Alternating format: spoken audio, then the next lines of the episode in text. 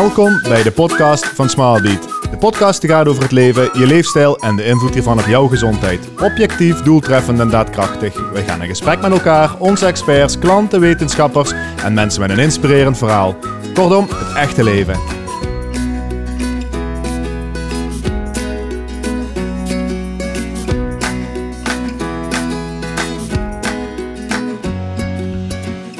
En vandaag bij ons in de podcast Stefan Elbers, een ambitieus onderzoeker die ooit begon als fysiotherapeut en psycholoog, maar inmiddels onderzoeker aan de universiteit, aan de Hogeschool van Utrecht en promovendus bij de universiteit in ons prachtige Limburgse Maastricht. Hij doet onderzoek naar gedragsverandering en in het bijzonder bij patiënten met chronische aandoeningen. We gaan met hem in gesprek over zijn werkzaamheden, zijn leven en zijn leefstijl.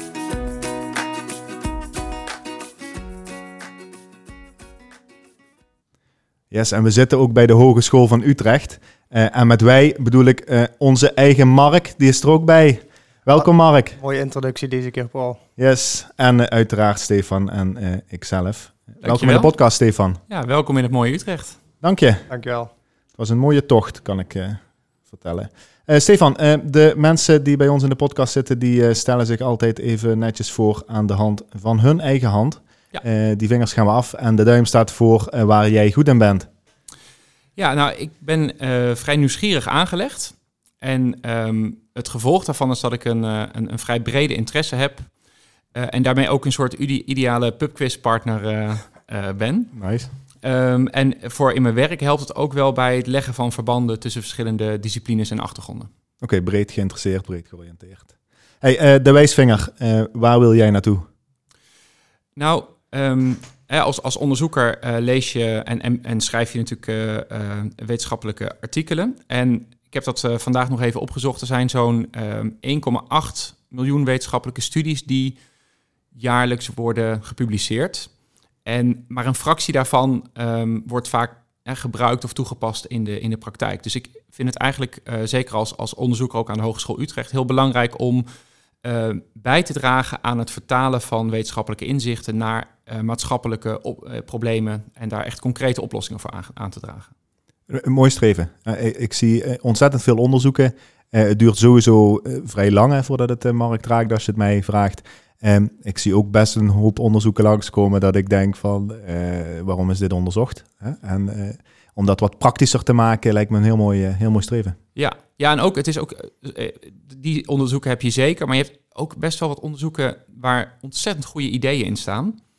Um, maar waar dan uiteindelijk niet op wordt doorgepakt. En dat, is, eh, ja, dat heeft ook te maken met uh, nou ja, de, hele, het hele academische systeem. Maar uh, het, ja, het voordeel is denk ik van, van die, die focus op dat praktijkgerichte...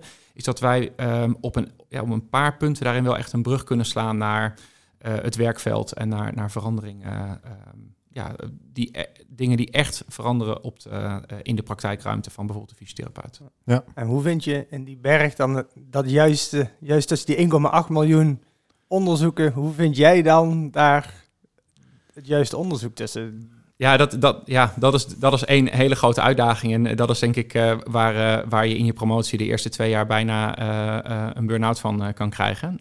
de, de, de illusie dat je het kan bijhouden. Ja, ja. Uh, het, is ook, het is ook wel pijnlijk. Eh, er zijn ook wel cijfers over hoe vaak een artikel nou echt gelezen wordt. En uh, dat, is ook, dat is ook schrikbarend weinig. Dus ik, ik, ben eigenlijk al heel blij als straks de leescommissie van, van mijn proefschrift het stuk goed gelezen heeft. Hebben in ieder geval acht mensen de, de ideeën die we hebben opgeschreven um, doorgenomen. Um, maar er zijn zeker wel manieren om dat goed voor elkaar te krijgen. Dus wat je nu ziet is, je hebt systematisch literatuuronderzoek waarin je heel veel studies samenvat. Dat is een, dat is een heel, heel krachtig middel om toch een soort van ja, organisatie in heel veel chaos te krijgen. En daar zijn ook weer ontwikkelingen in, omdat er zoveel nieuwe studies komen dat het bijna niet meer met de hand bij te houden is. En dat zijn ze allemaal aan het automatiseren. Dus je kan gewoon uh, elke dag alle mogelijke databases afgaan op een aantal trefwoorden. En hoe beter er geïndexeerd wordt, hoe beter. En dat zijn allemaal zaken die, uh, die allemaal de laatste tijd enorm uh, aan, het, aan het verbeteren zijn. Het betekent dat je veel sneller heel gericht thema's eruit kan halen. Ja, ja. COVID is een fantastisch voorbeeld. Als je nu naar een COVID-dashboard uh, online uh, googelt, dan krijg je echt uh, ja, elke mogelijke studie die daarmee te maken heeft, heel mooi samengevat met de data meteen uit die studie getrokken, ja, gecombineerd met andere studies. Dus je ziet wel echt hele grote vooruitgang daarop. Dus je wensen Ja, nou, we zijn bezig om, om het beter te leren vinden. Ja, Ja. komt Mooi. goed. Ik ga het ongetwijfeld over hebben. Hè. We hebben ook eh, de combinatie weten te vinden tussen eh, wetenschap en eh, commercie, praktijk. Dus daar Ja, gaan we nog meer over leuk. praten in deze podcast. De middelvinger, waar heb jij een hekel aan, Stefan? Nou, ik moest denken, ehm, ik, ik ben redelijk conflictmijdend. Ehm, en toen dacht ik, heb ik nou een hekel aan conflicten? Maar dat is het niet helemaal. Het grootste probleem wat ik eigenlijk heb, is als mensen zich heel erg ingraven in standpunten en dan eigenlijk niet meer, ja, niet meer openstaan voor een ander perspectief. Dat, daar, daar, daar kan ik echt heel weinig mee. Herkenbaar. Omdat je ze dan niet kunt sturen? Of waar, waar- zit dan de... de, de... Nou ja, eh, dan gaan ego's meespelen. Ja, dus dus eh, Ja. zeker ook in onderzoek. eh, het kan heel goed zijn dat de dingen die ik heb uitgezocht, dat is ook maar een richting en een kijk. En ik hoop dat ik, eh, dat is nu makkelijk nog om te praten, hè, maar, en, maar ik hoop dat ik de ruimte heb om op het moment dat, daar, eh, dat, dat, dat er voortschrijdend inzicht is, dat je ook dingen kan loslaten of dat je er op een andere manier tegenaan kan denken. Ja. En ik zie zowel in het onderzoek, maar zeker ook politiek gezien, dat het steeds meer een soort van pol- polemiek is en, en een, een strijd waarin er steeds minder naar elkaar geluisterd wordt en steeds meer eh, juist tegen elkaar wordt afgezet. Oké. En dat stoort me, want ja, volgens mij zit daar niet eh, de oplossing. De oplossing is juist naar elkaar toe gaan en, en eh, wel misschien verschillen van inzicht hebben, maar toewerken naar, naar een soort optimalisatie en een oplossing daarin. Ja. Eh, de ringvinger staat voor wat jij belangrijk vindt in relaties. Dat kan op het werk zijn, maar ook privé. Ja, ehm, voor mij is het denk ik ehm, belangrijk dat je er ehm, echt voor elkaar bent, maar dan op de momenten dat het er echt toe doet. Dus dat, eh, als ik denk aan vriendschap, dan is dat denk ik echt een sleutel. eh, en, en ook bij goede collega's. Eh, flexibiliteit is prima en elkaar ruimte geven. Maar op het moment dat, dat het echt nodig is, dat je er dan voor elkaar bent, dat is... Ja, daar kan ik me wel aan vinden. hoor. Ja. Want, Zeker een vriendschap. Je hoeft sommige mensen misschien maanden niet te zien. Maar als je elkaar dan op dat moment weer ziet, of je, als, je, als je die persoon nodig hebt, ja, dan weet je gewoon, het voelt direct ja, goed. ja, En ik, ik heb ook zo'n vriend, dan zien we elkaar wat minder vaak. Maar we weten gewoon, als we elkaar weer treffen, dan eh, kunnen we uren weer eh, dat gesprek ook voeren. ja. Je snapt elkaar direct, ja. ik, ik kom nu langzaam in die heftige fase dat mensen kinderen gaan krijgen. En dan krijg je precies dat. Hè, dat, dat, dat, dat, eh, dat je mensen veel, veel minder vaak ziet. Maar ja, op het moment dat je, dat je een beroep kan doen als het echt nodig is, dan uh, ja, dat is, uh, dat is heel fijn. te het een heftige fase, kinderen krijgen. Nou, oud worden vooral. Dat, uh, maar goed, dat is een, heel, dat is een andere... Dat is een, nou ja, maar nee, ja, dat, dat, als je het hebt over waar ik een hekel aan heb, is, uh, is, speelt dat ook wel mee. Ja. Dat ik nu uh, voor het eerst denk, oh ja, de, je wordt langzaam ouder. Dat is... Ja. Ah, dat gaat boven de 40 nog veel meer spelen, uh, Stefan. Dus je hebt nog wel. Daar kan ik niet over mee praten. Nee. Daar kunnen wij beiden een deel van mee praten, Stefan. Um, de Pink, een klein gek weetje over jezelf. Ik kan niet stilzitten als ik aan het bellen ben. Dan moet okay. ik lopen. Ja, dat is hartstikke goed. lekker Gezond. Ja, nee, zeker Kunnen goed. We Ja, maar promoten. ja, hey Stefan, ik stelde jou voor. Uh, ooit begonnen in de fysiotherapie, uh, psycholoog, um, promovendus. Uh, je bent um, onderwijzer aan de, aan de hogeschool. Um, ik denk dat je 33 of 34 jaar oud bent. Ja, klopt. Dat klinkt als een behoorlijke berg aan bagage al op zo'n uh, op zo'n leeftijd. Neem ons eens even mee in, in uh, ja, wat jij hebt gedaan uh, tot nu en waarom je de keuzes hebt gemaakt die je hebt gemaakt. Ik ben, ik ben ehm, eigenlijk begonnen met een studie bedrijfskunde.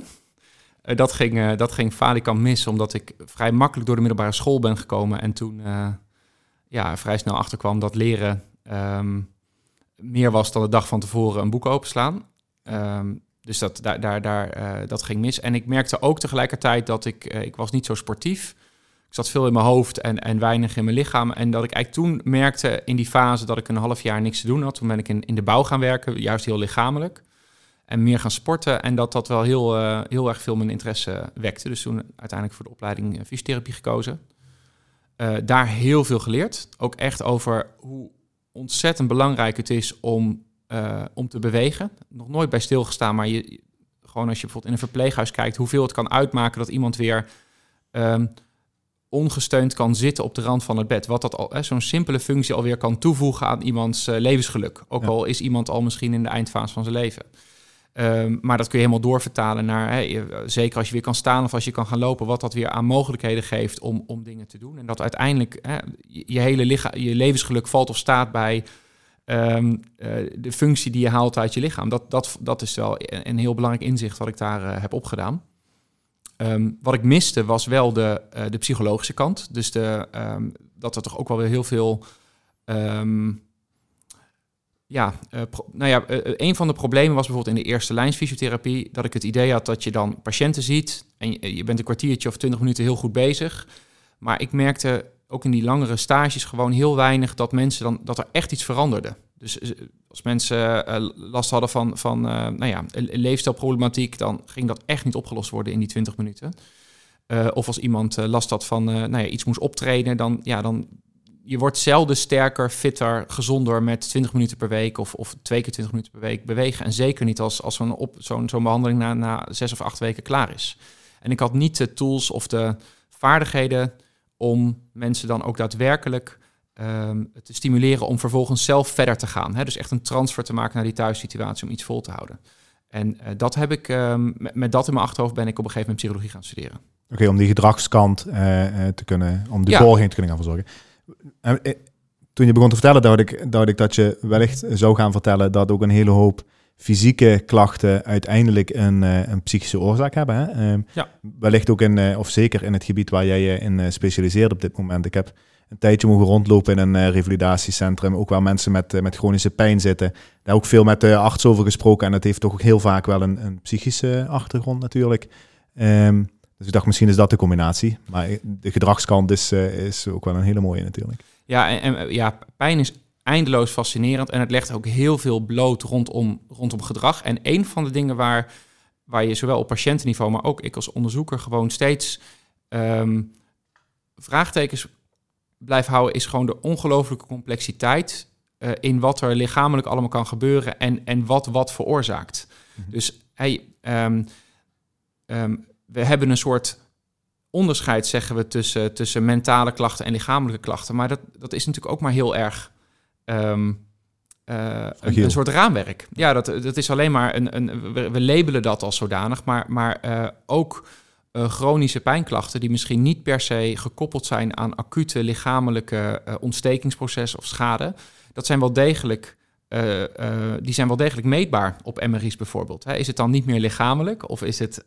um, is het dan, het is niet dat iemand dat bedenkt, die pijn is, is zeer daadwerkelijk aanwezig. Ja. Dus het is heel moeilijk om um, en heel interessant om, om dat wat verder te verkennen. En je komt dan op allemaal thema's als, uh, nou ja, verschil tussen lichaam en geest. En is dat er wel? En hoe, hoe kijk je daarnaar? Nou ja, goed, dat zijn allemaal zaken die ik absoluut niet ga oplossen in mijn, in mijn, in mijn proefschrift. Maar dat zijn wel dingen ook waar je patiënten mee ziet worstelen. Want die worden weggezet met, ja. ik voel heel veel pijn en dat belemmert me. En er wordt mij nu verteld um, uh, dat ik een psychisch probleem heb.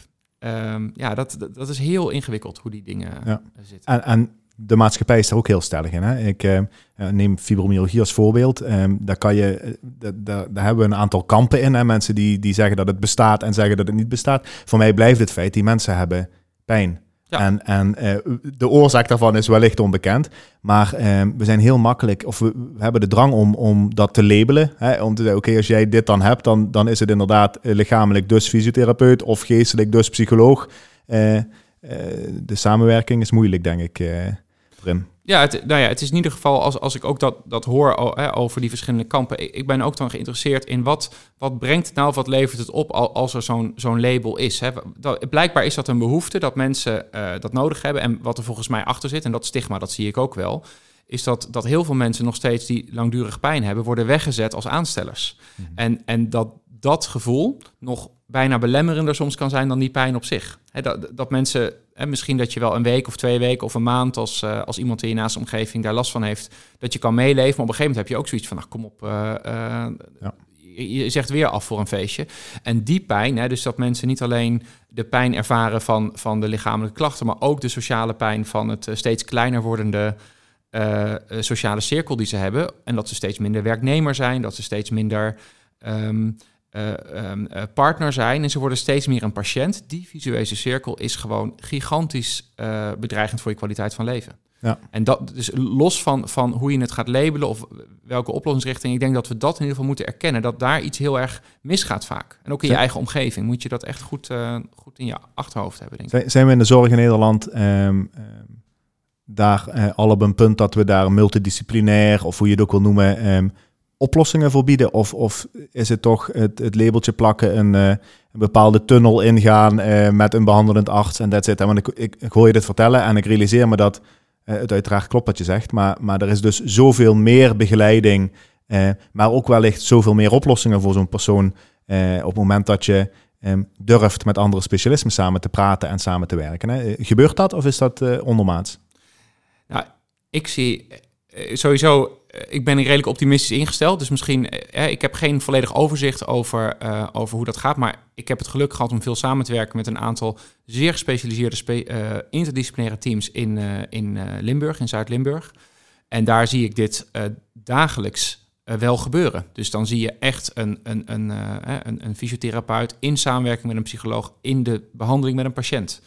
Waar een revalidatiearts ook nog bij aanschuift af en toe. En waar je um, op, op sommige uh, projecten, programma's ook, ook maatschappelijk werkers rondlopen of andere deskundigen om het hele systeem mee te nemen. daar kan van alles in verbeterd worden. En die programma's, die, dat is ook. Um, uh, ja, dat, die zijn natuurlijk ook continu bezig om, om, om dat verder uh, want ja, te verbeteren. Het zijn natuurlijk ook dure programma's. En uh, nou ja, in, in mijn proefschrift ben ik ook heel erg bezig geweest om in te zoomen op hoe kunnen we een stukje van zo'n programma verbeteren. Dus ja, dat is zeker niet de ideale situatie. Maar er zijn in Nederland gewoon heel veel interdisciplinaire teams die hier een bijdrage in kunnen leveren. Ja. Het, het, probleem, een van de problemen volgens mij, is vaak dat het ontzettend lang duurt voordat mensen in zo'n, ook vanuit gedragsverandering, voordat mensen daar terechtkomen. Dus um, dat heeft ook heel erg met de logistiek van de zorg te maken. Iemand komt met een klacht, gaat naar een specialist. Die specialist die gooit iemand door de molen. Er wordt bijna altijd iets gevonden. En ook als er niet iets wordt gevonden, er zijn schitterende studies over het feit dat je vaak meer pijn krijgt als je chronisch pijn krijgt, alleen al als er een MRI gemaakt is, ongeacht de uitslag. Dus dat dat, dat, dat een. Hè, want je wordt ook weer in een soort biomedisch frame geduwd. Soort negatieve placebo. Uh... Ja, dat, en dat heet nocebo. Daar is gewoon een ah, naam voor. En daar zijn ontzettend veel studies naar gedaan. En, en het, als een dokter uh, of een fysiotherapeut, dat is ook echt iets waar we eh, steeds meer op letten bij onze studenten, is dat we uh, heel goed, hè, vaak wordt er dan gezegd, je gaat bewegen op geleide van de pijn tegen een patiënt. En als een patiënt zegt, oeh, begint wel pijn toen, dat je dan als fysiotherapeut zegt, oh, doe maar rustig aan. Je, meteen maak je eigenlijk een link tussen dat pijn mogelijk schade communiceert, terwijl dat lang niet altijd zo is. En dat is ook weer, hè, dat noemen we nocebo. Dat is echt een, een, een onbedoeld effect van je behandeling. Dat heb je helemaal niet zo bedoeld, maar die patiënt denkt, oh, dit is niet veilig, of oh, er is iets kapot in mijn lichaam. En dat soort gedachten, dat kan later, en dat hoeft niet op dat moment een probleem te zijn, maar later kan dat wel tegen je werken. Ja. Ik, ik ken heel veel. Uh, ik, ik heb in mijn uh, omgeving veel uh, muzikanten, professionele muzikanten zitten, ook, ook wat ouder. Dus mensen die dan zo 60, 70 zijn en, uh, en nog steeds heel fanatiek viool spelen. Ik ken weinig mensen die fitter zijn. Nou, als je, als je 3,5 uur Wagner kan spelen, dan moet je... nou ja, ik kan, ik kan met moeite 3,5 uur op een stoel rechtop zitten. En zij moeten er ook nog heel hard voor werken. Zeker als je aan het bellen bent. Ja, precies. Ja, dat wordt helemaal lastig. Maar die, die mensen die zijn, die zijn topfit voor hun leeftijd. Ja. En toch ga eens vragen hoe, eh, wat ze, hoe ze over een lichaam denken. En je hoort, oh mijn schouder totaal versleten, elleboog. Uh, uh, nou ja, het, ene na het andere probleem krijg je eigenlijk te horen. Omdat, en dat zijn allemaal opgebouwde, ja dat noemen we dan ziektepercepties, ideeën over je eigen lichaam. Die in heel veel gevallen helemaal niet stroken met de werkelijkheid. Is dat ook um, verwachtingmanagement? Die mensen acteren op een heel hoog niveau. En, en wellicht is het al super knap als je dat twee uur kan volhouden. En zij kunnen het nu in de plaats van 3,5 uur nog maar drie uur en een kwartier. Um, beseffen ze zich dat dat even goed nog boven maat is? Of, of is dat daadwerkelijk iets aan de hand, maar um, komt het pas naar buiten op het moment dat je het gaat bespreken of zo? Ik, ik heb nog nooit een, een professioneel muzikus gehoord dat iets voldoet aan hun verwachtingen. Dus dat is sowieso een probleem. En perfectionisme is, is uh, ongetwijfeld, ik heb, ik heb de onderzoeken niet paraat, maar is ongetwijfeld een risicofactor voor uh, ook voor chronische pijn, dat je voelt iets in je lichaam zit niet helemaal lekker en je bent gewend dat het perfect is en dan ga je erop inzoomen. Aandacht bijvoorbeeld, weten we dat het een component is waar pijn ontstaat, on, hè, dat is een resultaat van uh, een aantal sensaties, maar aandacht is daar een heel belangrijke component in. Dus het, een voorwaarde is dat je überhaupt ermee bezig bent of dat je je aandacht er naartoe wordt getrokken, maar als dat dan maar blijft gaan, dan, dan kan dat allemaal de boel ook weer uh, ja, versterken. Dus ja, ik, ik denk, mijn inschatting is dat dat zeker een. Uh, nu heb ik. Uh, maar dat negatieve, ik bedoel, als je, als je aan iemand vraagt hoe gaat het met je, dan is vaak ja druk, weet je, uh, poeh, moet dat en dat doen. Dat zit er gewoon ook in de mens om vaak dingen te voelen en liever iets negatiefs te zeggen dan iets goeds te zeggen, heb ik vaak het idee als je dat vraagt bij mensen. En is het ook een stukje acceptatie? Ik bedoel, um, um, volgens mij kun je ook niet alles oplossen. Ja, nee, dat is, ik denk dat een, een van de oplossingsrichtingen waar nu veel onderzoek naar wordt gedaan in de context van chronische pijn, maar je ziet het ook in, in andere problemen, dus chronische aandoeningen, maar ook, ook psychologische problemen. dat, dat wordt ook wel de derde generatie cognitieve gedragstherapie genoemd, acceptance en commitment therapy. Nou, de acceptance zegt het al. Er zit ook een deel in van dat je gewoon moet, um, tot op zekere hoogte ongemak moet kunnen verdragen, dat dat ook hoort bij uh, veroudering of bij, nou ja, bij wat dan ook bij het leven. Ehm, en dat dat heel erg kan helpen om uh, toch, Een, uh, ja, um, toch een betekenisvol leven te leiden, ondanks dat je misschien bagage meedraagt. maar het weerhoudt mensen er wel van om actiever te worden. Want ik heb pijn, Absoluut. Dus laat ik het maar uit de weg gaan, want ik zou meer pijn kunnen. Volgens mij is het juist tegenovergesteld. Als je het niet gaat proberen, ga je dat ook helemaal niet. Ik zie dat bijvoorbeeld bij mijn ouders wel eens terug. Hè. Dan denk ik, ja, kom op mensen, uh, ga naar buiten, ga fietsen, ga wandelen en uh, laat het negatief even, even los. Ja, nee, zeker, zeker. En dat is ook, dat, nou ja, we hadden, we hadden afgelopen week een hele interessante gastdocent die ook toevallig psycholoog en, en fysiotherapeut is. En die heeft veel ook mensen behandeld met, met langdurige pijnklachten. En ook, dit was trouwens depressie. En ook daarin ging het dan over dat bewegen is heel goed. Voor, vaak voor, kan, kan echt een stemmingstabilisator zijn. Um, maar het is niet zo dat als je een patiënt met depressie naar buiten stuurt, uh, dat het een goed idee is om, om elke vijf minuten te vragen van en voel je al wat beter. Uh, dat is echt de grote valkuil. Wat hij zegt is nee, het gaat erom dat het heel knap is dat iemand die zich heel slecht voelt en er geen zin in heeft en eigenlijk niet had willen opstaan, er toch is. En, en als je daarop feedback geeft, is het heel anders dan dat je steeds gaat vragen van en voel je al wat beter. Want dat, dat en ook al voelt iemand zich even beter, er gaat echt wel weer een moment komen dat dat minder gaat na zo'n behandeling. Er is niet een soort gouden pil dat met een half uur lopen je je weer oké voelt. Ja. Maar, maar als je mensen hebt die ongemak hebben, die misschien onzeker zijn over een, uh, over een lichaam of, of zich kwetsbaar voelen en ze gaan dan bewegen, dan denk ik dat het een hele sterke strategie is om, om de, daar erkenning voor te hebben van uh, voor jou is dit topsport. Hè? Je, ondanks dat je, dat je last hebt of ondanks dat je klachten hebt, heb je wel nu een, een, een, uh, een aantal stappen buiten gezet. Ja. En dat is een succes op zich. Ja. Ja.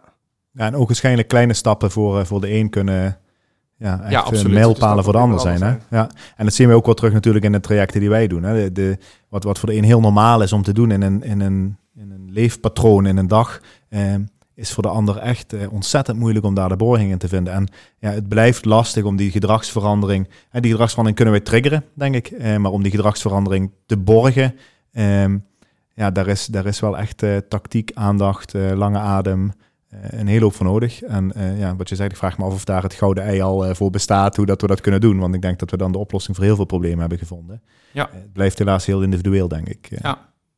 Ah, um, en, en aanvullend, um, een van mijn um, nieuwe COVID uh, um, successen is, uh, is yoga with Adrian. Ik weet niet of jullie hebben jullie dat al wel eens gedaan. Yoga with Adrian. Ja, dat ik ken Adrian nou, niet. Echt miljoenen uh, um, fans die online met haar yoga doen. Ze heeft een YouTube kanaal. En um, een van de, de lessen die zij dus continu zendt is zorg dat jij daar bent, dat is, dat is al goed, zeg maar. Dus het gaat helemaal niet om hoe je nou die oefeningen doet. En uh, nou ja, ze is natuurlijk ook eh, honderd keer beter. En ik, ik wil echt geen film zien van hoe ik op dat matje sta te zwoegen. maar het, het, het, het, is een heel prettig idee dat, dat, dat, je, dat je komt en dat ze dan zegt... eigenlijk heb je, is het nu al geslaagd. Dus maakt niet uit wat je doet. Uh, ja. Je bent er. We hebben hier ook uh, we hebben hier een gymzaal op de, op de hogeschool. Daar, daar, voor COVID trainden we hier veel. was vaak wat krachttraining... Um, en, en ieder deed dat op zijn eigen niveau. En dan had je altijd een van de grote uh, um, ja, de, de, de aanjagers van dat uh, trainen. Die riep dan altijd aan het einde van... Uh, dit pakt niemand ons meer af. het is vrijdag, het is half negen ochtends... en we hebben al een uur, anderhalf uur keihard getraind. Ieder op zijn eigen niveau. Maakt niet uit wat de rest van de dag doet. Dit is in ieder geval gelukt. Nou, dat, soort, dat soort bekrachtigers, dat, ja, zonder dat het de oplossing is. Maar voor mij werkt dat vrij goed. Ja, dan kom je in een positieve spiraal terecht. Uh, ja, bijvoorbeeld, ja, zeker. Ja. en dan gaat het dus niet meer om output of om dat je continu bezig bent met het ongemak wat je hebt. Uh, want het kan dan heel goed zijn dat we een half uur lang bezig zijn geweest met, uh, met een of andere, nou ja, goed, um, van die vreselijke oefeningen waarbij je um, um, vooral uh, veel gewicht omhoog moet, uh, moet tillen, wat dan niet goed lukt. Ja, dat, als je dan heel erg daarop gefocust bent, dan kun je super gefrustreerd zijn als het niet gelukt is. Mm -hmm.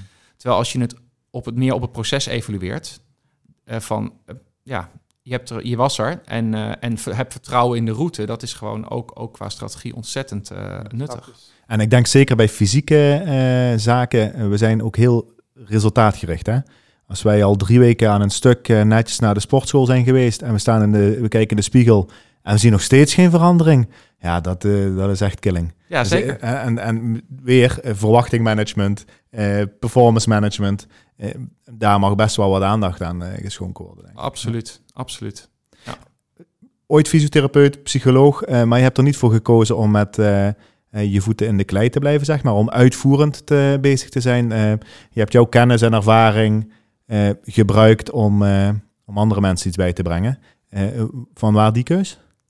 Ja, dat, dat, nu klinkt het heel mooi alsof het een bewuste, bewuste keuze is. En ja wat we ook veel leren vanuit de gedragswetenschappen is heel vaak dat je achteraf gaat rationaliseren. Dus ik, ik kan nu een heel mooi verhaal vertellen waarom ik eh, eh, al jongs af aan in de wieg was gelegd om, om les te gaan geven. Maar als ik eerlijk ben, is dit gewoon een, uh, een samenloop van omstandigheden. Dus ik, ik werkte in het UMC. Uh, daar was wat twijfel over de, de voortzetting van, van ons werk. Ik had een hele luxe positie, omdat ik samen met een collega die ook psychologie studeerde, we samen zeg maar, een baan konden garanderen naast onze opleiding. Maar ja, dat, dat, dat vergt ook wat flexibiliteit. En nou, uiteindelijk was het gewoon wat moeilijk om dat te handhaven. En toen liep er toevallig een stagedocent van de hogeschool langs. En ik, ik gaf aan van, nou ja, dit lijkt niet helemaal meer goed te gaan. En toen zei ze, oh, er is bij ons mogelijk plek. En die avond ging ik ehm, naar een weekendje weg naar Berlijn. En in de auto heb ik toen het sollicitatiegesprek gedaan. En op de terugweg kreeg ik te horen dat ik hier kon werken. Dus zo'n zo'n raar, raar moment. Ja. En, en wat doseer je? Um, ik zit nu vooral op de uh, masteropleiding. Uh, dat, en da daar is specifiek de psychosomatische fysiotherapie. Dus dat heeft natuurlijk uh, chronische pijn is daar een thema in, maar ook veel psychische klachten met gecombineerd met problemen in lichamelijk functioneren. Altijd in die combinatie. Um, in het bijzonder zijn we bijvoorbeeld nu bezig met een, met een module over angst, depressie en beweegzorg. Dus welke rol kun je als, als vanuit de beweging um, en vanuit eh, dat soort therapieën, ja, wat voor rol kan je spelen bij patiënten met stemmingsklachten en met angstklachten? Um, en in het bijzonder probeer ik wel ook in de, in de opleiding zelf uh, mee te denken rondom gedragsverandering. Dat blijft natuurlijk de, de grote hobby. Ja. Ja, dus dat zijn de, de aandachtspunten. Ja. En je bent nog aan het promoveren in het Zuid-Limburgse. Ja, ja, en dat is nu. Dat, ik, mijn boekjes heb ik ingeleverd. Ik ben twee weken terug nog even op en neer gereisd om ze, om ze op de bureaus te leggen van de, van de beoordelingscommissie. Dus ik hoop eigenlijk over een aantal weken een keer te horen of het, of het voldoende is. Maar in ieder geval is het, is het harde werk nu gedaan. waar heb je daar onderzoek naar gedaan? Ik ben bezig geweest met het voorkomen van terugval na succesvolle pijnrevalidatie. Dus eh, nee, je geeft zelf aan, ik heb een revalidatieprogramma gehad. Het, ehm, zeker bij chronische pijn, maar je ziet het vaker bij revalidatie, dat je, je bent niet klaar. Een programma heeft heel duidelijk een kop en een staart. Je, je gaat naar Hoensbroek of naar Maastricht of je, je, eh, naar, naar, een, naar een specifieke afdeling waar heel veel expertise is. En, en daar leer je dingen aan, maar wel in een hele veilige setting vaak. Um, en wat wij merken, en dat is niet alleen bij pijn, maar in heel veel andere systemen ook, is dat mensen het echt wel lastig vinden om dat vervolgens dan de transfer te maken naar de thuissituatie. Ja. Als je er alleen voor staat, of als mensen ineens toch. Um, nou, je hebt allemaal van, van die dynamieken. Uh, als, als bijvoorbeeld eh, partners niet mee zijn, eh, helemaal meegegaan zijn in al die ideeën, dan kunnen ze misschien toch weer de neiging hebben om dingen over te nemen. Hè. Dus in revalidatie ben je heel erg sterk aan het proberen om mensen echt te, uh, de, de, de tools te geven om het echt zelf dingen weer te kunnen uitvoeren. Ehm, maar ja, als die, als die partner zo gewend is om taken over te nemen, dan kan het heel, heel makkelijk zijn dat mensen weer in oude patronen vervallen. Ja. Of uh, valangst is ook zo'n thema. Dus mensen na een, uh, daar doen we hier ook wel onderzoek naar, mensen na een beroerte, die weer um, leren om, om hun leven en de draad op te pakken. Dan kan het zijn dat mensen wel eens, uh, wel eens vallen of dat er een, een valrisico is, maar het alternatief is dat je in een rolstoel zit en, en wordt vooruitgeduwd. Um, en, en, maar ook, ook die omgeving is natuurlijk, en terecht, uh, maakt zich zorgen over zo iemand. En je ziet iemand anders lopen, je ziet iemand af en toe zijn evenwicht zoeken. Um, dus dan is de neiging heel erg om te gaan helpen. Maar misschien is het ook wel goed als mensen gewoon leren omgaan met die instabiliteit. En, en, en, en langzaam, het moet natuurlijk wel binnen de marges zijn. Maar ja. ja uiteindelijk moet je wel iemand ook de ruimte geven om weer een plek in te nemen. En dat is, uh, ja, dat, daar zien we vaak problemen. Dus waar, waar ik me bezig hou, is hoe zorg je nou voor dat als je uit zo'n revalidatieprogramma komt dat je dan ook die stap nog kan maken in, in doorgroeien. Of een, ten, op zijn minst de ervaringen meepakt die je daar hebt opgedaan. Ik, eh, ik heb in Hoensbroek uh, gerevalideerd. Um, daar heel veel contact gehad met iemand op uh, de niet aangeboren hersenafwijking afdeling. daar deed me dit aan denken. Zij, zij heeft een heel lang traject gedaan daar. heel goed gerevalideerd. En bij Adalant in Hoensbroek weten ze, wat mij betreft, echt wat ze doen. Um, zij moest alles weer opnieuw leren. En op een gegeven moment mocht ze naar huis, is ze naar huis gegaan. En een aantal weken later kwam ze weer langs en sprak ik er weer. Ik en hoe gaat het nou met je? Ze zegt, ja, het, het, was toch best wel even zwaar. Ze zegt, want ik heb hier echt van begin af aan alles weer moeten leren. Um, bijvoorbeeld zegt ze hoe ik, eh, hoe ik koffie moet zetten. En dat heb ik hier geleerd. Uh, maar thuis stond mijn koffiezetapparaat. En daar lukte het niet bij. En allemaal van dat soort kleine dingen die, uh, waar, waar de praktijk en de, en uh, misschien, dat is niet de theorie, maar de voorbereiding en, en de uitvoering uh, niet, niet naadloos op elkaar uh, aansluiten. En inderdaad, wat je zegt, als je dan mensen hebt die zaken voor je weg gaan of je gaat bypasses vinden en dat is die gedragsverandering, als die borging denken in de gedragsverandering, is het misschien heel makkelijk om, om die wegen dan te nemen in plaats van ja, door te zetten of terug te pakken of ja, precies dit. Echt uh, een beter voorbeeld. Uh, kan, kan, dit, is, dit is exact die dynamiek die, die, er, kan, die er kan gebeuren. En, um, en het is ook niet altijd een, een bewuste keuze om dan... Want je moet maar de, de scherpte hebben om op dat moment... terwijl je dus al uh, vermoeid je weg aan het vinden bent... de scherpte hebben om te zeggen... nee, dit is, dit is het leertraject wat ik nu moet, moet doorlopen. Laat me even. Dat, dat, dat is ten eerste een moeilijke vaardigheid... om mensen eigenlijk die willen helpen... om daar nee tegen te zeggen. Maar ook om op dat moment te realiseren dat, je, dat dit op de lange termijn goed voor je is. Ja, dat zijn allemaal, dat zijn, dat lijken bewuste keuzes, maar zo werkt het gewoon niet. Um, vaak is gewoon het automatisme uh, dat mensen dat doen en dat jij meteen een rol aanneemt van oké, ik word nu geholpen. En dat is heel, uh, ja, dat is heel, uh, dat kan heel belemmerend zijn op termijn. Een, ander voorbeeld wat collega's van mij doen ja onderzoek naar en dat vind ik dat is echt prachtig studies zijn dat, maar dat heeft te maken met kinderen en die in een rolstoel zitten. Um, en dan gaat het over rolstoelvaardigheidstraining.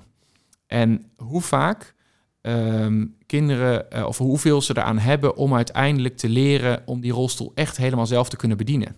Um, want ja, je hebt bijvoorbeeld handvatten aan, achteraan die rolstoel. Nou, wat ge, de, een van de trainers, dat is een, een Paralympier, die adviseert bijvoorbeeld van haal die handvatten alsjeblieft weg. Eh, het is heel, heel vervelend als je in één keer zo, je, je zit ergens en iemand pakt je en, en neemt je mee. Dat is, ja, moet je je voorstellen dat, dat dat bij ons gebeurt. Dat je gewoon staat en in één keer duwt iemand je een bepaalde richting op. Dat is, je moet verantwoordelijk, dus, dus hij leert dan kinderen van, nee, probeer het nou, probeer te leren dat je dat soort dingen zelf uh, aan kan. Of anti-kiepwieltjes. Ja, dat, het is heel handig wellicht om, uh, om niet achterover te, vallen, maar het is eigenlijk beter om te weten wat je moet doen als je achterovergevallen bent. Want zonder die anti-kiepwieltjes kan je ook een trap uh, af of opgaan. Of kan je, als je heel vaardig bent, of je kan ook een stoepje afgaan. Terwijl als je die wieltjes wel hebt, hebt zitten, dan is dat weer lastiger. Dus ik, ik wil nou niet zeggen dat iedereen die wieltjes en er zomaar af moet halen. Maar als je, je kan zoveel doen als je leert trainen. Als je, dat, ja, als je daar de juiste training voor krijgt en dat dan weet toe te passen, ook nog in die thuissituatie en die mensen meekrijgt. Ja, dan, dan kun je zoveel meer met je chronische aandoening dan dat je uh, misschien daarvoor deed. Ja. Het, het, het, heeft denk ik ook te maken met, met um, um, regie en, en eigen, je eigenaar voelen over, je, over jouw probleem. Hè? Ik kwam in, in, een wereld en er waren best veel mensen die voelden zich iets aangedaan en die verwachten dat iemand dat wel even voor hun zou oplossen. Um, terwijl ik heel sterk dacht van er is maar één iemand die dit kan oplossen en dat ben ik zelf. En ik denk dat je dan ook hè, die grenzen gaat verleggen die jij, die jij aangeeft. En um, je, je, eigenaar voelt van, van eh, jouw eigen probleem, als je het zo mag noemen. Ja, oh, je, zeker. Ja, en, en ja, ik vind het ook heel, dat is ook heel pijnlijk om soms te zien. Neem bijvoorbeeld een letselschadeprocedure of iets dergelijks. Hè. Dus iemand eh, is onrecht aangedaan. Um, buiten eigen schuld is er letsel. Um, en dan, dan is het zo moeilijk om om dat misschien ook een beetje, uh, nou ja, om, om, om enerzijds verantwoordelijkheid te nemen en eigen regie, en anderzijds gewoon het, ja, geconfronteerd te worden met de onrechtvaardigheid van het leven en daarmee te moeten dealen. En ja, ik, ik heb ook wel regelmatig patiënten gezien die ik dan bijna gun van, alsjeblieft, stop, uh, ga, ga, focus je op, op die positiviteit op het leven en op, op, op die, die kant. Ja, dat zijn natuurlijk beslissingen waar ik helemaal niks mee te maken heb, dat ligt bij die patiënt. Maar je ziet dan hoe mensen lijden aan door die procedure. Want in die procedure moeten ze aangeven dat er heel veel onrecht is aangedaan. Zijn ze daarmee bezig? Met met, met, nou ja, met het verweer, ja, met het, eh, ehm, ehm, ja, de, de kant van wat er allemaal niet mogelijk is. Terwijl ja, in zo'n revalidatie wil je zo graag wil je, wil je die andere kant op. Positieve energie. Ja, zeker. Ja, En kijken naar kansen in plaats van naar de... ja maar het, het is gewoon, ja, het, het het zijn allemaal stuk voor stuk vaak hele schrijnende situaties. En het, ja, ik heb ook alle begrip voor dat, dat, niet, eh, dat, dat niet iedereen daar even overheen stapt. Maar als ik het hier ook jou zo hoor zeggen, het is wel heel mooi als het lukt inderdaad, dat je die focus kan hebben en echt aan de slag kan. En, en eh, uiteindelijk kun je, kun je het alleen zelf in, dat, in die opzichten. En, en je moet dan ook wel de omstandigheden zo organiseren voor jezelf. Maar het begint wel met hoe je er zelf in staat. Dat Ja. denk ik wel. Ja, en kun je veel meer dan dat je zelfs van tevoren had gedacht, Ja, denk ja, ik. Hè? Ja. ja. En Stefan, hoe zorg jij ervoor dat je jezelf blijft eh, ontwikkelen en je scherp blijft? Nou, die promotie heeft wel geholpen met eh, ontwikkelen. Dat, dat is wel. Dat is eigenlijk een hele luxe situatie. Dat je gewoon eh, eh, jarenlang je mag verdiepen in, in thema's. En, en daarin mensen spreekt die daar al jarenlang deskundig op zijn. Dus dat is voor mij een fantastisch leertraject geweest. Eh, en in een, in een academische instelling ehm, werken, of, of ja, zo- zoals hier, dat, dat helpt ontzettend, omdat je continu met collega's bezig bent eh, ja, om je te verdiepen in, in verschillende thema's. En eh, zo'n masteropleiding uit je scherpte wil je ook het nieuwste steeds uitleggen. Dus dat is, het is een hele makkelijke omstandigheid om, om dat voor elkaar te krijgen. Anderzijds is het wel zo dat dit wel ten koste gaat van met je voeten in de klei staan, wat je zei. Dus ik mis op dit moment wel heel erg het, het perspectief van die behandelkamer en van de en, en, en dat stuk. En nou ja, goed, dat kunnen we hier wel, wel overnemen. Of er zijn andere collega's die daar dan weer sterk in zijn. Maar dat is wel iets wat ik soms jammer vind. En eh, eh, met dat gezegd hebbende, eh, waar zie je jezelf over vijf jaar? Ja, ehm, eh, dat is nog één groot chaos in mijn hoofd. Want dat is waarschijnlijk het probleem van net zo'n promotie afronden. Ehm, eh, kijk, ik ben heel erg blij met wat we hier doen in, in dat lectoraat. En nou ja, hoe dan ook, ik hoop daar in ieder geval een hele grote, eh, ehm, of een, een grote in ieder geval een rol in te spelen en een bijdrage aan te leveren om te zorgen dat we dat, eh, dat praktijkgericht onderzoek verder eh, verder brengen. Ik, ja, de afgelopen jaren zijn, is dat echt gegroeid, dat aandeel. Ik heb het idee dat ook de kwaliteit van het onderzoek op hogescholen ontzettend omhoog aan het gaan is. En ehm, ja, ik zie daar wel echt kansen om, om te zorgen dat inderdaad gewoon echt die zorgprocessen ehm, of zo'n revalidatieprogramma echt ehm, ja, verbeteren, dat daar meer, ehm, ehm, dat op die werkvloer er echt iets verandert. Maar als je zegt over vijf jaar, bedoel, je hebt de proefschrift, proefschrift toch niet van niks geschreven. Je wilt toch ook iets met, die, met dat proefschrift in praktijk gaan doen? Of vul ik Ja. hem dan in? Nee, nou, kijk, het, het proefschrift is, is, is, is hè, dat is de academische output van, van het onderzoek wat ik gedaan heb. Ondertussen hebben we een applicatie ontwikkeld. eh, hè, dat is in een consortium, maar daar heb ik een bijdrage aan geleverd ehm, waarin we terugval voorkomen. Dat ligt gewoon klaar. Dat moet nog wel gedissemineerd worden. Daar, daar, daar moeten we een manier voor vinden om dat daadwerkelijk binnen bij de praktijken te krijgen. Maar eh, de, de, de output in de zin van eh, praktisch gezien. En we hebben een, een, een terugvalpreventiewerkboek ontwikkeld.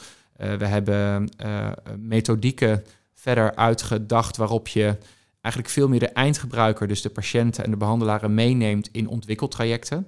Hebben we verder, verder gedacht. Dus op zich is dat proefschrift eh, eh, mooi voor eh, straks voor in de boekenkast. Maar de, de, de echte output ligt veel meer in, in, de, in de producten die we, die we ontwikkeld hebben gedurende dit traject. Oké. Dus dat is er al. Alleen ja, ik zou heel graag daar dat willen, willen uitbreiden en daar verder mee willen. Ja. En hoe kennen de luisteraars ons vooral van, van leefstijl, van onze specifieke aanpak om aan de preventieve kant van de gezondheidszorg, van de leefstijlzorg, hoe je hem wil noemen, zit. Ehm, ik, ik ben benieuwd naar ehm, eh, of, of jij kan uitleggen waarom het voor ons mens zo enorm lastig is op het moment dat we geconfronteerd worden met iets wat we eigenlijk zouden moeten of kunnen veranderen. Ehm, dat we dat kortdurend doen, maar dat die, eh, die automatisering, dat borgen van die verandering zo ontzettend moeilijk is. Ja, ja dat, is, dat, is, eh, dat is een hele goede vraag. En ja, dat, dat is natuurlijk eindeloos fascinerend. Hè? En dan, soms dan, nou ja, eh, ik, heb, ik, heb, ik heb die, eh, die leefstijlmeting bij jullie ook gedaan bijvoorbeeld. En ik- dat was ook weer zo'n moment dat je denkt van, oh ja, ik ben dus nu denk ik zo'n tien jaar bezig met het thema gedragsverandering. Ik denk dat ik wel de dynamiek en de mechanismen daarachter ken en weet hoe hè, de invloed van oude gewoontes en hoe je nieuwe doelen stelt enzovoort. En dan kijk ik op die output en denk oh ja, ik heb nu in drie dagen maximaal uh, 1200 stappen gelopen of zo per dag. Ik heb uh, vaak uren en uren achtereen gezeten. Uh, ik vind mezelf sportief. Nou, dat is op geen enkele manier terug te zien in de data. Uh, er gaat hier iets gruwelijk mis. Hè? Dus, dus het, hoe frustrerend het is dat je na al die, al die jaren van onderzoek... dat het dus niet lukt, ook bij jezelf... dat het nog steeds zo moeilijk blijkt om, om je gedrag zo te blijven reguleren. En een van de, wat mij helpt in het denken over gedragsverandering, is, is dus om het niet te zien als een soort van verandering. Um, want dan, dat impliceert een eindstaat. En ik zie het veel meer als een reguleringsprobleem. Dus je hebt een, een doel en je probeert in de richting van dat doel te reguleren. En dat lukt soms wel en dat lukt soms niet. Maar er is altijd vanaf het punt waarop je zit en het doel wat je hebt, heb je altijd mogelijkheden om stappen te zetten om die kant op te gaan. Maar je moet je ook realiseren dat in heel veel situaties dat gewoon niet niet lukt of niet prioriteit heeft. Of dat je misschien iets moet loslaten omdat er andere doelen in je leven zijn. Doelen staan nog niet in een vacuüm. Een leefstijl is hartstikke belangrijk, maar uiteindelijk uh, heb je ook werk, heb je ook uh, familie en uh, speelt dat ook mee. En ga je, lukt het je nooit om altijd in elke situatie al die ballen in de lucht te houden. Dus flexibiliteit daarin, dat vind ik een, een wat beter beeld dan het steeds hebben over verandering. Dus dat is voor mij al een eerste heel belangrijk punt wat we ook nou ja, wat we proberen uit te dragen. Hè. Gedrag verander je niet zomaar even. Nee, je, kan, je kan wel nieuwe doelen stellen en proberen um, om, hè, om dat prioriteit te geven en daar naartoe te werken. Maar ja, dat gaat soms ten koste van andere doelen of er zitten oude gedragspatronen in de weg. Dan krijg je hindernissen en dan kan je gaan nadenken van wat moet er nou veranderen om uiteindelijk ja, dat, dat gewenste eindresultaat te bereiken. Ja. Maar ik denk toch ook wel, Stefan, dat je kijkt. Bedoel, um, voor mij is het heel duidelijk hoe ik er over 30 jaar uit wil zien of hoe ik me wil voelen. Ik bedoel, daar werk ik voor en daar moet ik nu voor in investeren. Het is gewoon, gewoon de big picture. Gewoon altijd eromheen blijven houden. En soms zal ik wat socialer zijn, soms ben ik wat sportiever, soms, soms lig ik ook gewoon op die bank. Ik bedoel, dat heeft met de momenten te maken, maar uiteindelijk moet die balans daaromheen voor mij richting die big picture, dat ik over 30 jaar eh, voor mij er alles aan heb gedaan ja, dat ik nog steeds uh, energiek en fit en, en gezond kan zijn. Maar is dit niet al um, een stap daarvoor, Mark? Ik, ik, vraag me vaak af of, of de bewustwording, of, of, of, mensen zich ervan bewust zijn wat de impact is van hun keuzes, maar ook of mensen überhaupt um, zichzelf de vraag die jij je blijkbaar stelt, of ze die zichzelf al stellen. Van hoe wil je er dan over 30 jaar uitzien? En wat wil ik dan? En wat is nou het effect van de dingen die ik doe? En het is ook heel, een hele moeilijke situatie. We hebben, we hebben allemaal een, een smartphone en, en ieder wetenschappelijk onderzoek, maar ook ieder uh, onzinartikel kun je, kun je lezen. Um, als jij wil gaan afvallen, dan um, kun je dat uh, doen bij de een die zegt je moet vooral heel veel koolhydraten eten. En bij de ander die zegt je moet vooral van de koolhydraten afblijven. En je moet volle vetten gaan eten en de schijf van vijf. En de, waar moet ik gaan beginnen? Wat is nou goed en wat is nou niet goed? En wat, wat is nou doeltreffend? Hè? En ik denk dat heel veel mensen daar al de draad kwijtraken. Ja, dan wordt het hier stil. Maar, uh... ik, ik hoor heel veel interessante, interessante thema's. En er, zit overal ook, ook ja, er zit, er zit, zeker veel waarheid in. Maar wat ik me wel afvraag is. Um, nou ja, even een, een, voorbeeld. Ik ben benieuwd, uh, uh, Mark, hoe jij er naar kijkt. Maar ik, ik, ben een, uh, ik heb een tijdje in de VS gestudeerd. En dat is dan een, um, een, zo'n campus. En dat echt zo'n zo'n typisch Amerikaanse campus van kortgeknipte gasvelden. En alles wordt voor je geregeld. Ik woonde dan net buiten de campus, maar als je daar woonde, dan werd zelfs de was voor je gedaan, werd er schoongemaakt. Hè. Die mensen die, die komen van die universiteit af, dat worden, uh, uh, die gaan allemaal fantastische banen krijgen, maar ze kunnen nog geen ei bakken. Dat is een beetje de, de status van zo'n uh, van zo'n campus. Je bent daar 80 uur per week bezig met studeren. Je krijgt gigantisch veel um, literatuur voor je kiezen. Je bent alleen maar aan het lezen, alleen maar aan het werken. En dan heb je twee dagen waarop je, of twee avonden waarop je met een beetje geluk wat kan ontspannen heel erg stimulerend. En ik kwam terug van de universiteit en ik dacht, ja, dit is het. Ik heb gevonden wat ik wil. Uh, ik, ik wil me blijven ontwikkelen. Ik ben, ik ben nog nooit zo ver vooruit gegaan in een paar maanden. Ik heb gewoon de oplossing. Dit is wat ik moet doen. Nou, ik heb het nog geen drie dagen volgehouden thuis. En dit is wat je moet doen? Kun je die wat specifieker maken? Ja, um, um, opstaan, um, altijd hetzelfde ontbijt nemen, direct door naar een uh, bibliotheek. Uh, heel duidelijk voor ogen hebben wat je, uh, wat je wil lezen. En dan, uh, nou ja, um, de vakken of de, de, de zaken waar je aan wil werken, dat gewoon doorpakken tot, tot acht uur s avonds. Tussendoor nog even wat eten met mensen om het daar inhoudelijk over te kunnen hebben, bij wijze van spreken. maar, maar, in ieder geval, ja, um, het, zeg maar, het punt wat ik, wat ik hierin wil maken is dat, dat ik denk dat het heel erg aan mij lag en dat ik me heel erg ontwikkeld had. Maar eigenlijk waren het de omstandigheden die ertoe maakten dat ik de ruimte kreeg om me zo te ontwikkelen. En toen ik in andere omstandigheden zat en de illusie had dat ik dat allemaal eventjes kon, kon organiseren, toen bleek de wereld veel ingewikkelder in elkaar te, te, eh, te zitten. Want ja. Ik, ja, in één keer moest ik zelf gaan zorgen dat mijn koelkast gevuld werd. En waren er ook vrienden en een sociaal leven die ik misschien een half jaar wel kon uitzetten, maar niet wilde de rest van mijn leven wilde opgeven. Dus het, het, het, ik, ik, snap, ik snap wat je wil en het, ik vind het heel mooi en het, uh, dat het je lukt. En misschien heb je ook wel die drive en die is hartstikke nuttig om dat voor elkaar te krijgen. Maar voor mezelf merk ik dat, dat ik ehm, en ook wel mensen om me heen vaak de, de, de, eigen uh, impact en motivatie overschatten als het gaat over gedragsverandering. En dat het heel vaak ook te maken heeft met in welke omstandigheden heb je jezelf gemanoeuvreerd. Uh, en, en, en ja, hoe, hoe vormt of hoe helpt dat je vormen in de richting die, je, die je wil gaan? Ja, ja, ja ik, ben, ik ben misschien ook geen, geen goed voorbeeld, maar ik geloof er, er is altijd een keuze. Ja. En, je, en je hebt misschien inderdaad gemanoeuvreerd in die omstandigheden. Hè? En dat kan positief of negatief zijn, maar je kunt eruit komen. En die keuze die heb je altijd overal. Ja. En ja, weet je, en dat, dat, dat zie ik wel eens rondom me heen. Eh, dat mensen te lang die keuze niet maken, waardoor ze gewoon in een negatieve spiraal uh, terecht gaan komen. En ja, daar een, uh, het ene probleem naar het andere probleem ook uh, tegenkomen. Is, dus dat wilskracht, is dat wilskracht of zijn dat mogelijkheden dan? Ja, dat is vooral mogelijkheden zien. Maar uiteindelijk heb je wel discipline en wilskracht nodig om, ja, om, om bepaalde zaken te gaan bereiken. Ja. Maar want wil, we komen nu op wilskracht. Hè. Wilskracht definieer ik als um, in staat zijn om korte termijn verleidingen uh, te laten staan ten behoeve van lange termijn doelen. He, dus, dus wilskracht kan zijn, uh, ik heb uh, doelen op het gebied van, ge, van gezond gewicht. Dus ik laat deze M&M's bij wijze van spreken staan. Of, maar het kan ook zijn, ik wil mijn promotie afronden. Dus ik ga nou niet voor de zesde keer vandaag op vi.nl kijken. Um, maar um, wilskracht is wel iets, hè, dat, dat, dat, kost, dat kost energie. Je bent aan het reguleren. Nog mooier is in sommige situaties als je geen beroep hoeft te doen op, op die wilskracht. Of als je die wilskracht heel, op hele strategische momenten kan inzetten. Uh, dus als je jezelf bijvoorbeeld aanleert, even een eetvoorbeeld nemen. Als je jezelf nou aanleert om alleen maar de boodschappen te kopen die je op een lijstje schrijft dan is dat het moment, dan ga je nadenken, hè, dan, ben je nog totaal niet in de verleiding gekomen. Je automatiseert eigenlijk, ik heb gewoon een lijstje met, met boodschappen.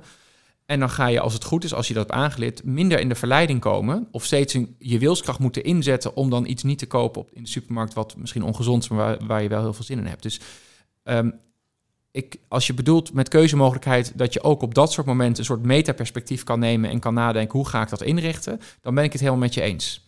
Maar het, het probleem is vaak dat mensen, ehm, ik, ik merk dat zelf ook binnen de fysiotherapie, dat heel vaak een beetje belerend wordt gezegd, je moet gewoon meer willen. Hè? En, en daar geloof ik niet zo in. Want, want het gaat heel vaak hè, dus om goed strategisch nadenken over in welke omgeving, welke omstandigheden ga ik mezelf manoeuvreren. Wat moet er veranderen? Niet hoe moet ik veranderen, wat moet er veranderen om die belangrijke doelen die ik in mijn leven heb, zo goed mogelijk neer te zetten. Ja, ja. En de vraag die ervoor komt, waar jij het over had, Mark, is dan, wat wil ik nou eigenlijk? En dat is ook heel belangrijk om te verkennen. Maar dat zijn denk ik twee hele fundamentele stappen in gedragsregulatie. Ja, ja. ja ik was even aan het denken, uiteindelijk ook ja, de ambitie en willen en discipline zijn... Om iets te bereiken heb je discipline nodig. Dus om die ambitie te behalen, zal ik me dagelijks daarvoor in moeten zetten als het, eh, als het een heel grote ambitie is uh, willen, ja, dat, die ambitie heb ik bepaald doordat ik dat wil. Ja, ja, ja, ja maar eh, zeg maar, in de, v de VS was echt ook weer zo'n zo'n rare samenloop van omstandigheden. Ik had daar niet echt over nagedacht. Dus... Waarom is het zo ingericht daar? Dat vraag ik mij dan af. Waarom is daar het gras tot op de millimeter uh, geknipt? Waarom staat daar de koffie voor jou klaar? En waarom hoef jij daar alleen maar te studeren? Is dat om, om de perfecte uh, uh, student te laten afstuderen? Of Ah, goeie vraag. Dat vraag ik me dan af, want door die omgeving zo te creëren, schep je al een, ja, een, een makkelijke levensvorm. Ja, nee, dat, dat klopt, dat klopt. Maar uh, zeker. Um, dus dus dat, dat, is, dat is al heel interessant. Maar ik had daar in ieder geval heel weinig wilskracht nodig. het mooie is natuurlijk dat het heel gemakkelijk voor je gemaakt wordt. Ja, precies. En dat, dat voelt natuurlijk heel goed. Ja. Hè? Want eh, wat je daar doet, ja, je kan je super focussen op hetgeen waarvoor je daar natuurlijk zit. En Ja. dat is denk ik ook de bedoeling van die, Ja, zeker. ja, van, Ja. van die high school. eh, en dat is natuurlijk ook hoe, hoe het in de topsport eh, uiteindelijk geregeld is. Hè. Alle nevenfactoren vooral elimineren en, en puur alleen maar focussen op die structuur en eh, op presteren. Ja, precies. Maar dus Ja. ook heel goed de doelen kennen en ehm, het effect van jouw eigen product, zeg maar, eh, weten. Hè? Als een universiteit er is om kennis over te brengen en die kan het zo inrichten dat wij optimaal kennis overbrengen, Ja. hebben, ze, hebben ze het goed gedaan, Ja, denk ik. denk ik, ja. Alleen zit, wat, wat jij bedoelt, zo zit de maatschappij niet in elkaar. Dus als je dan weer thuis komt met je eigen koffiezetapparaat, dan is het weer een Nou, probleem. Want daar hadden we het straks over tijdens dat revalidatieproces. En, en, en dat zei Stefan ook, als de mensen dan weer thuiskomen, ja, dan wordt het weer een heel ander verhaal. Nou ja, eh, Stefan heeft het zelf dus ervaren op die high school. Hij, hij heeft ook gerevalideerd als het ware nadat hij terug, terugkwam van, eh, van die Ja. studie. Dus wat jij eigenlijk zegt is, hè, mensen zitten bij ons in een traject en ehm, eh, een van de belangrijke zaken om die gedragsverandering te borgen is, is de omgeving te creëren waarop dat het ehm, wellicht eenvoudiger wordt, eh door misschien ook wel maatschappelijk en sociaal draagvlak ontstaat, hè, dat jij wil gaan veranderen. Ook dat horen we wel terug hè, in de jongere generatie die dan serieus bezig willen gaan zijn met leefstijl. Eh, die worden min of meer uitgelachen, hè, want eh, ehm, gezond doen is, is niet heel erg cool, eh, wordt er dan gezegd. Hè, terwijl wij vinden dat dat juist wel is natuurlijk. Maar ehm, dus de juiste verwachtingen managen weer, de juiste omgeving creëren, met de juiste mensen omgaan. Ehm, Ja. Heeft dat hele is, is dat wellicht de grootste factor of, of zijn er grotere factoren? Ik vind het moeilijk om, om, om dat, ehm, om, zeg maar percentage, of te- dat inzicht heb ik niet, maar ik, ik denk wel, wat je zegt, is dus die ehm, ook echt zoeken naar wat er thuis moet veranderen om, en, en je hoeft niet een soort eh, mini-papendal voor jezelf te creëren, maar wel na te denken van waar zitten nou de grootste, de grootste belemmeringen voor mij in mijn leefstijl. En dat dat niet altijd hoeft te maken te hebben met ik moet gewoon meer motivatie hebben, maar dat je het jezelf echt makkelijker kan maken door bepaalde dingen weg te nemen. Of ervoor, eh, voor, voor, ook weer, ja, ik, het is een na het andere persoonlijk voorbeeld, maar ik kan gewoon geen zak chips thuis hebben liggen. Al- Als die er ligt, dan eet ik hem op. Dus Ja, daar is hij voor bedoeld. ja, nou, Maar niet in één keer misschien. Nee, eh, maar ja. dat, nee, dat is echt, ja, dat is ook hilarisch. Pringles, ik weet niet wat, volgens mij is officieel een portie Pringles zijn er 14. Nou, ik, ik, het is nog nooit gelukt om bij, na 14 te stoppen. Oké. Eh, maar ehm, ja, dat, dat, dat gaat gewoon niet werken. Dus mijn eh, strategie om, om, om dit te reguleren is het gewoon niet in huis te hebben, bijvoorbeeld. Ja. Ehm, nou, dat, dat moet ik dan ook sociaal inrichten. Dus dan, dan, dan, dan heb ik een, eh, gesprek met mijn vriendin om, om daarmee eh, mee om te gaan. Nou ja, eh, zij heeft laatst ook een keer, want ik eet ook altijd haar chocola op, heeft ze heel groot, weet je het zeker, op zo'n doos geschreven. Dat, dat, dat heet, de strategie die daarachter hoort, is vigilance monitoring. Dus dat ik dan in één keer weer terugkom bij dat doel van, wacht even, wil ik dit wel? Nou, en, en daarbij denk ik dan ook van, ja, ik ga nu niet, eh, ik, ik ga me niet, eh, Laten kennen. nee, precies. Maar dan ben je niet de wetenschapper, eh, de onderzoeker die dan denkt, eh, op korte termijn wil ik dit, maar op lange termijn niet. Als het om Dus eten gaat, ben ik geen wetenschapper. Oké, dan ben je gewoon nee, korte termijn denker. Ja, ja, vrees ik. Ja. Ja. Nee, dus dat. dus, maar, maar, ik, maar ik kan dus wel mijn, mijn, mijn, mijn leven en die situatie zo inrichten dat er, dat er ruimte is. Hè. Ik vind eh, bijvoorbeeld. eh, ehm, ik merk bijvoorbeeld dat ik, ik hou heel van sporten, maar ik vind vooral het, het, ook echt het sociale aspect van sport heel erg leuk. Ehm, dus het een beetje competitie. Ik hoef, hoef, ik hoef niet kost wat kost te winnen, maar een beetje die spelvormen. Of, eh, of een weekend weg. Eh, we gaan binnenkort met vrienden eh, naar Zuid-Limburg om, om daar wat te fietsen. Ja, dat is ehm, voor mij.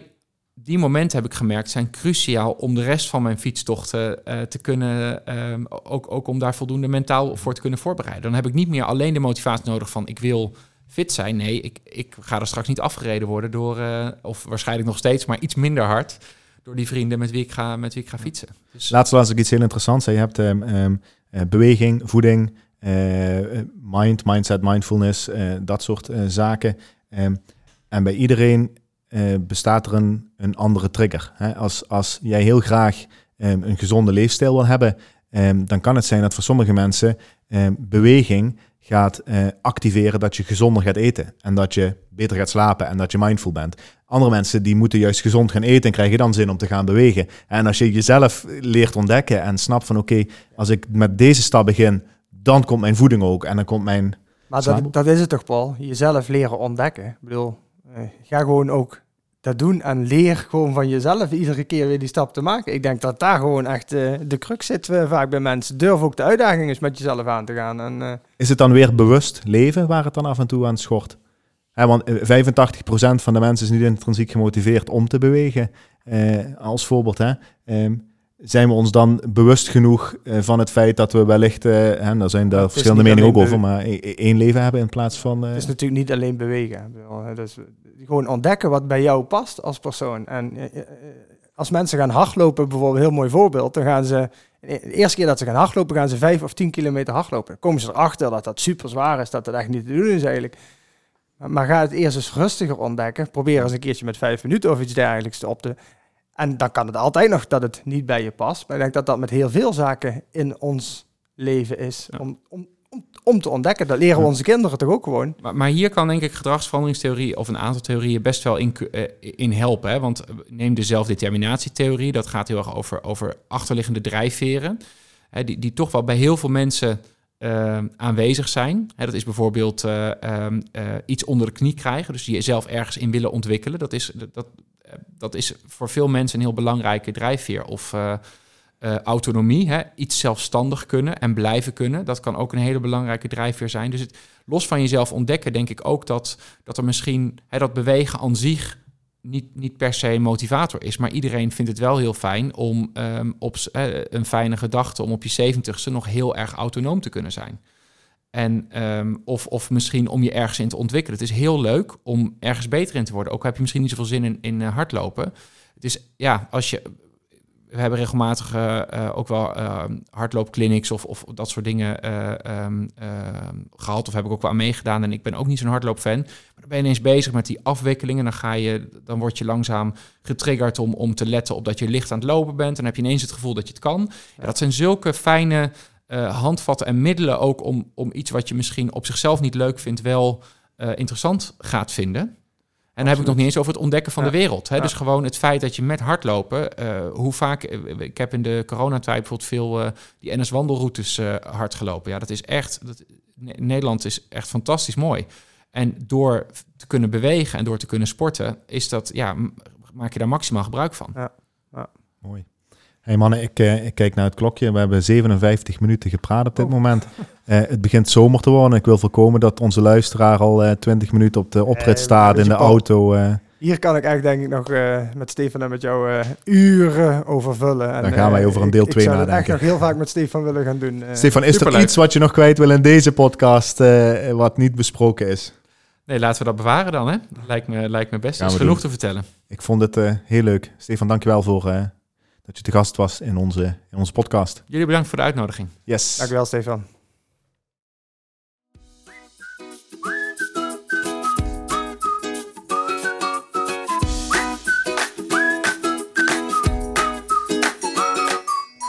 Dit was alweer een aflevering van de podcast van Smart Beat. Bedankt voor het luisteren en volg ons op Spotify, LinkedIn, Facebook of via www.smartbeat.nl voor jouw dosis kennis, motivatie en inspiratie.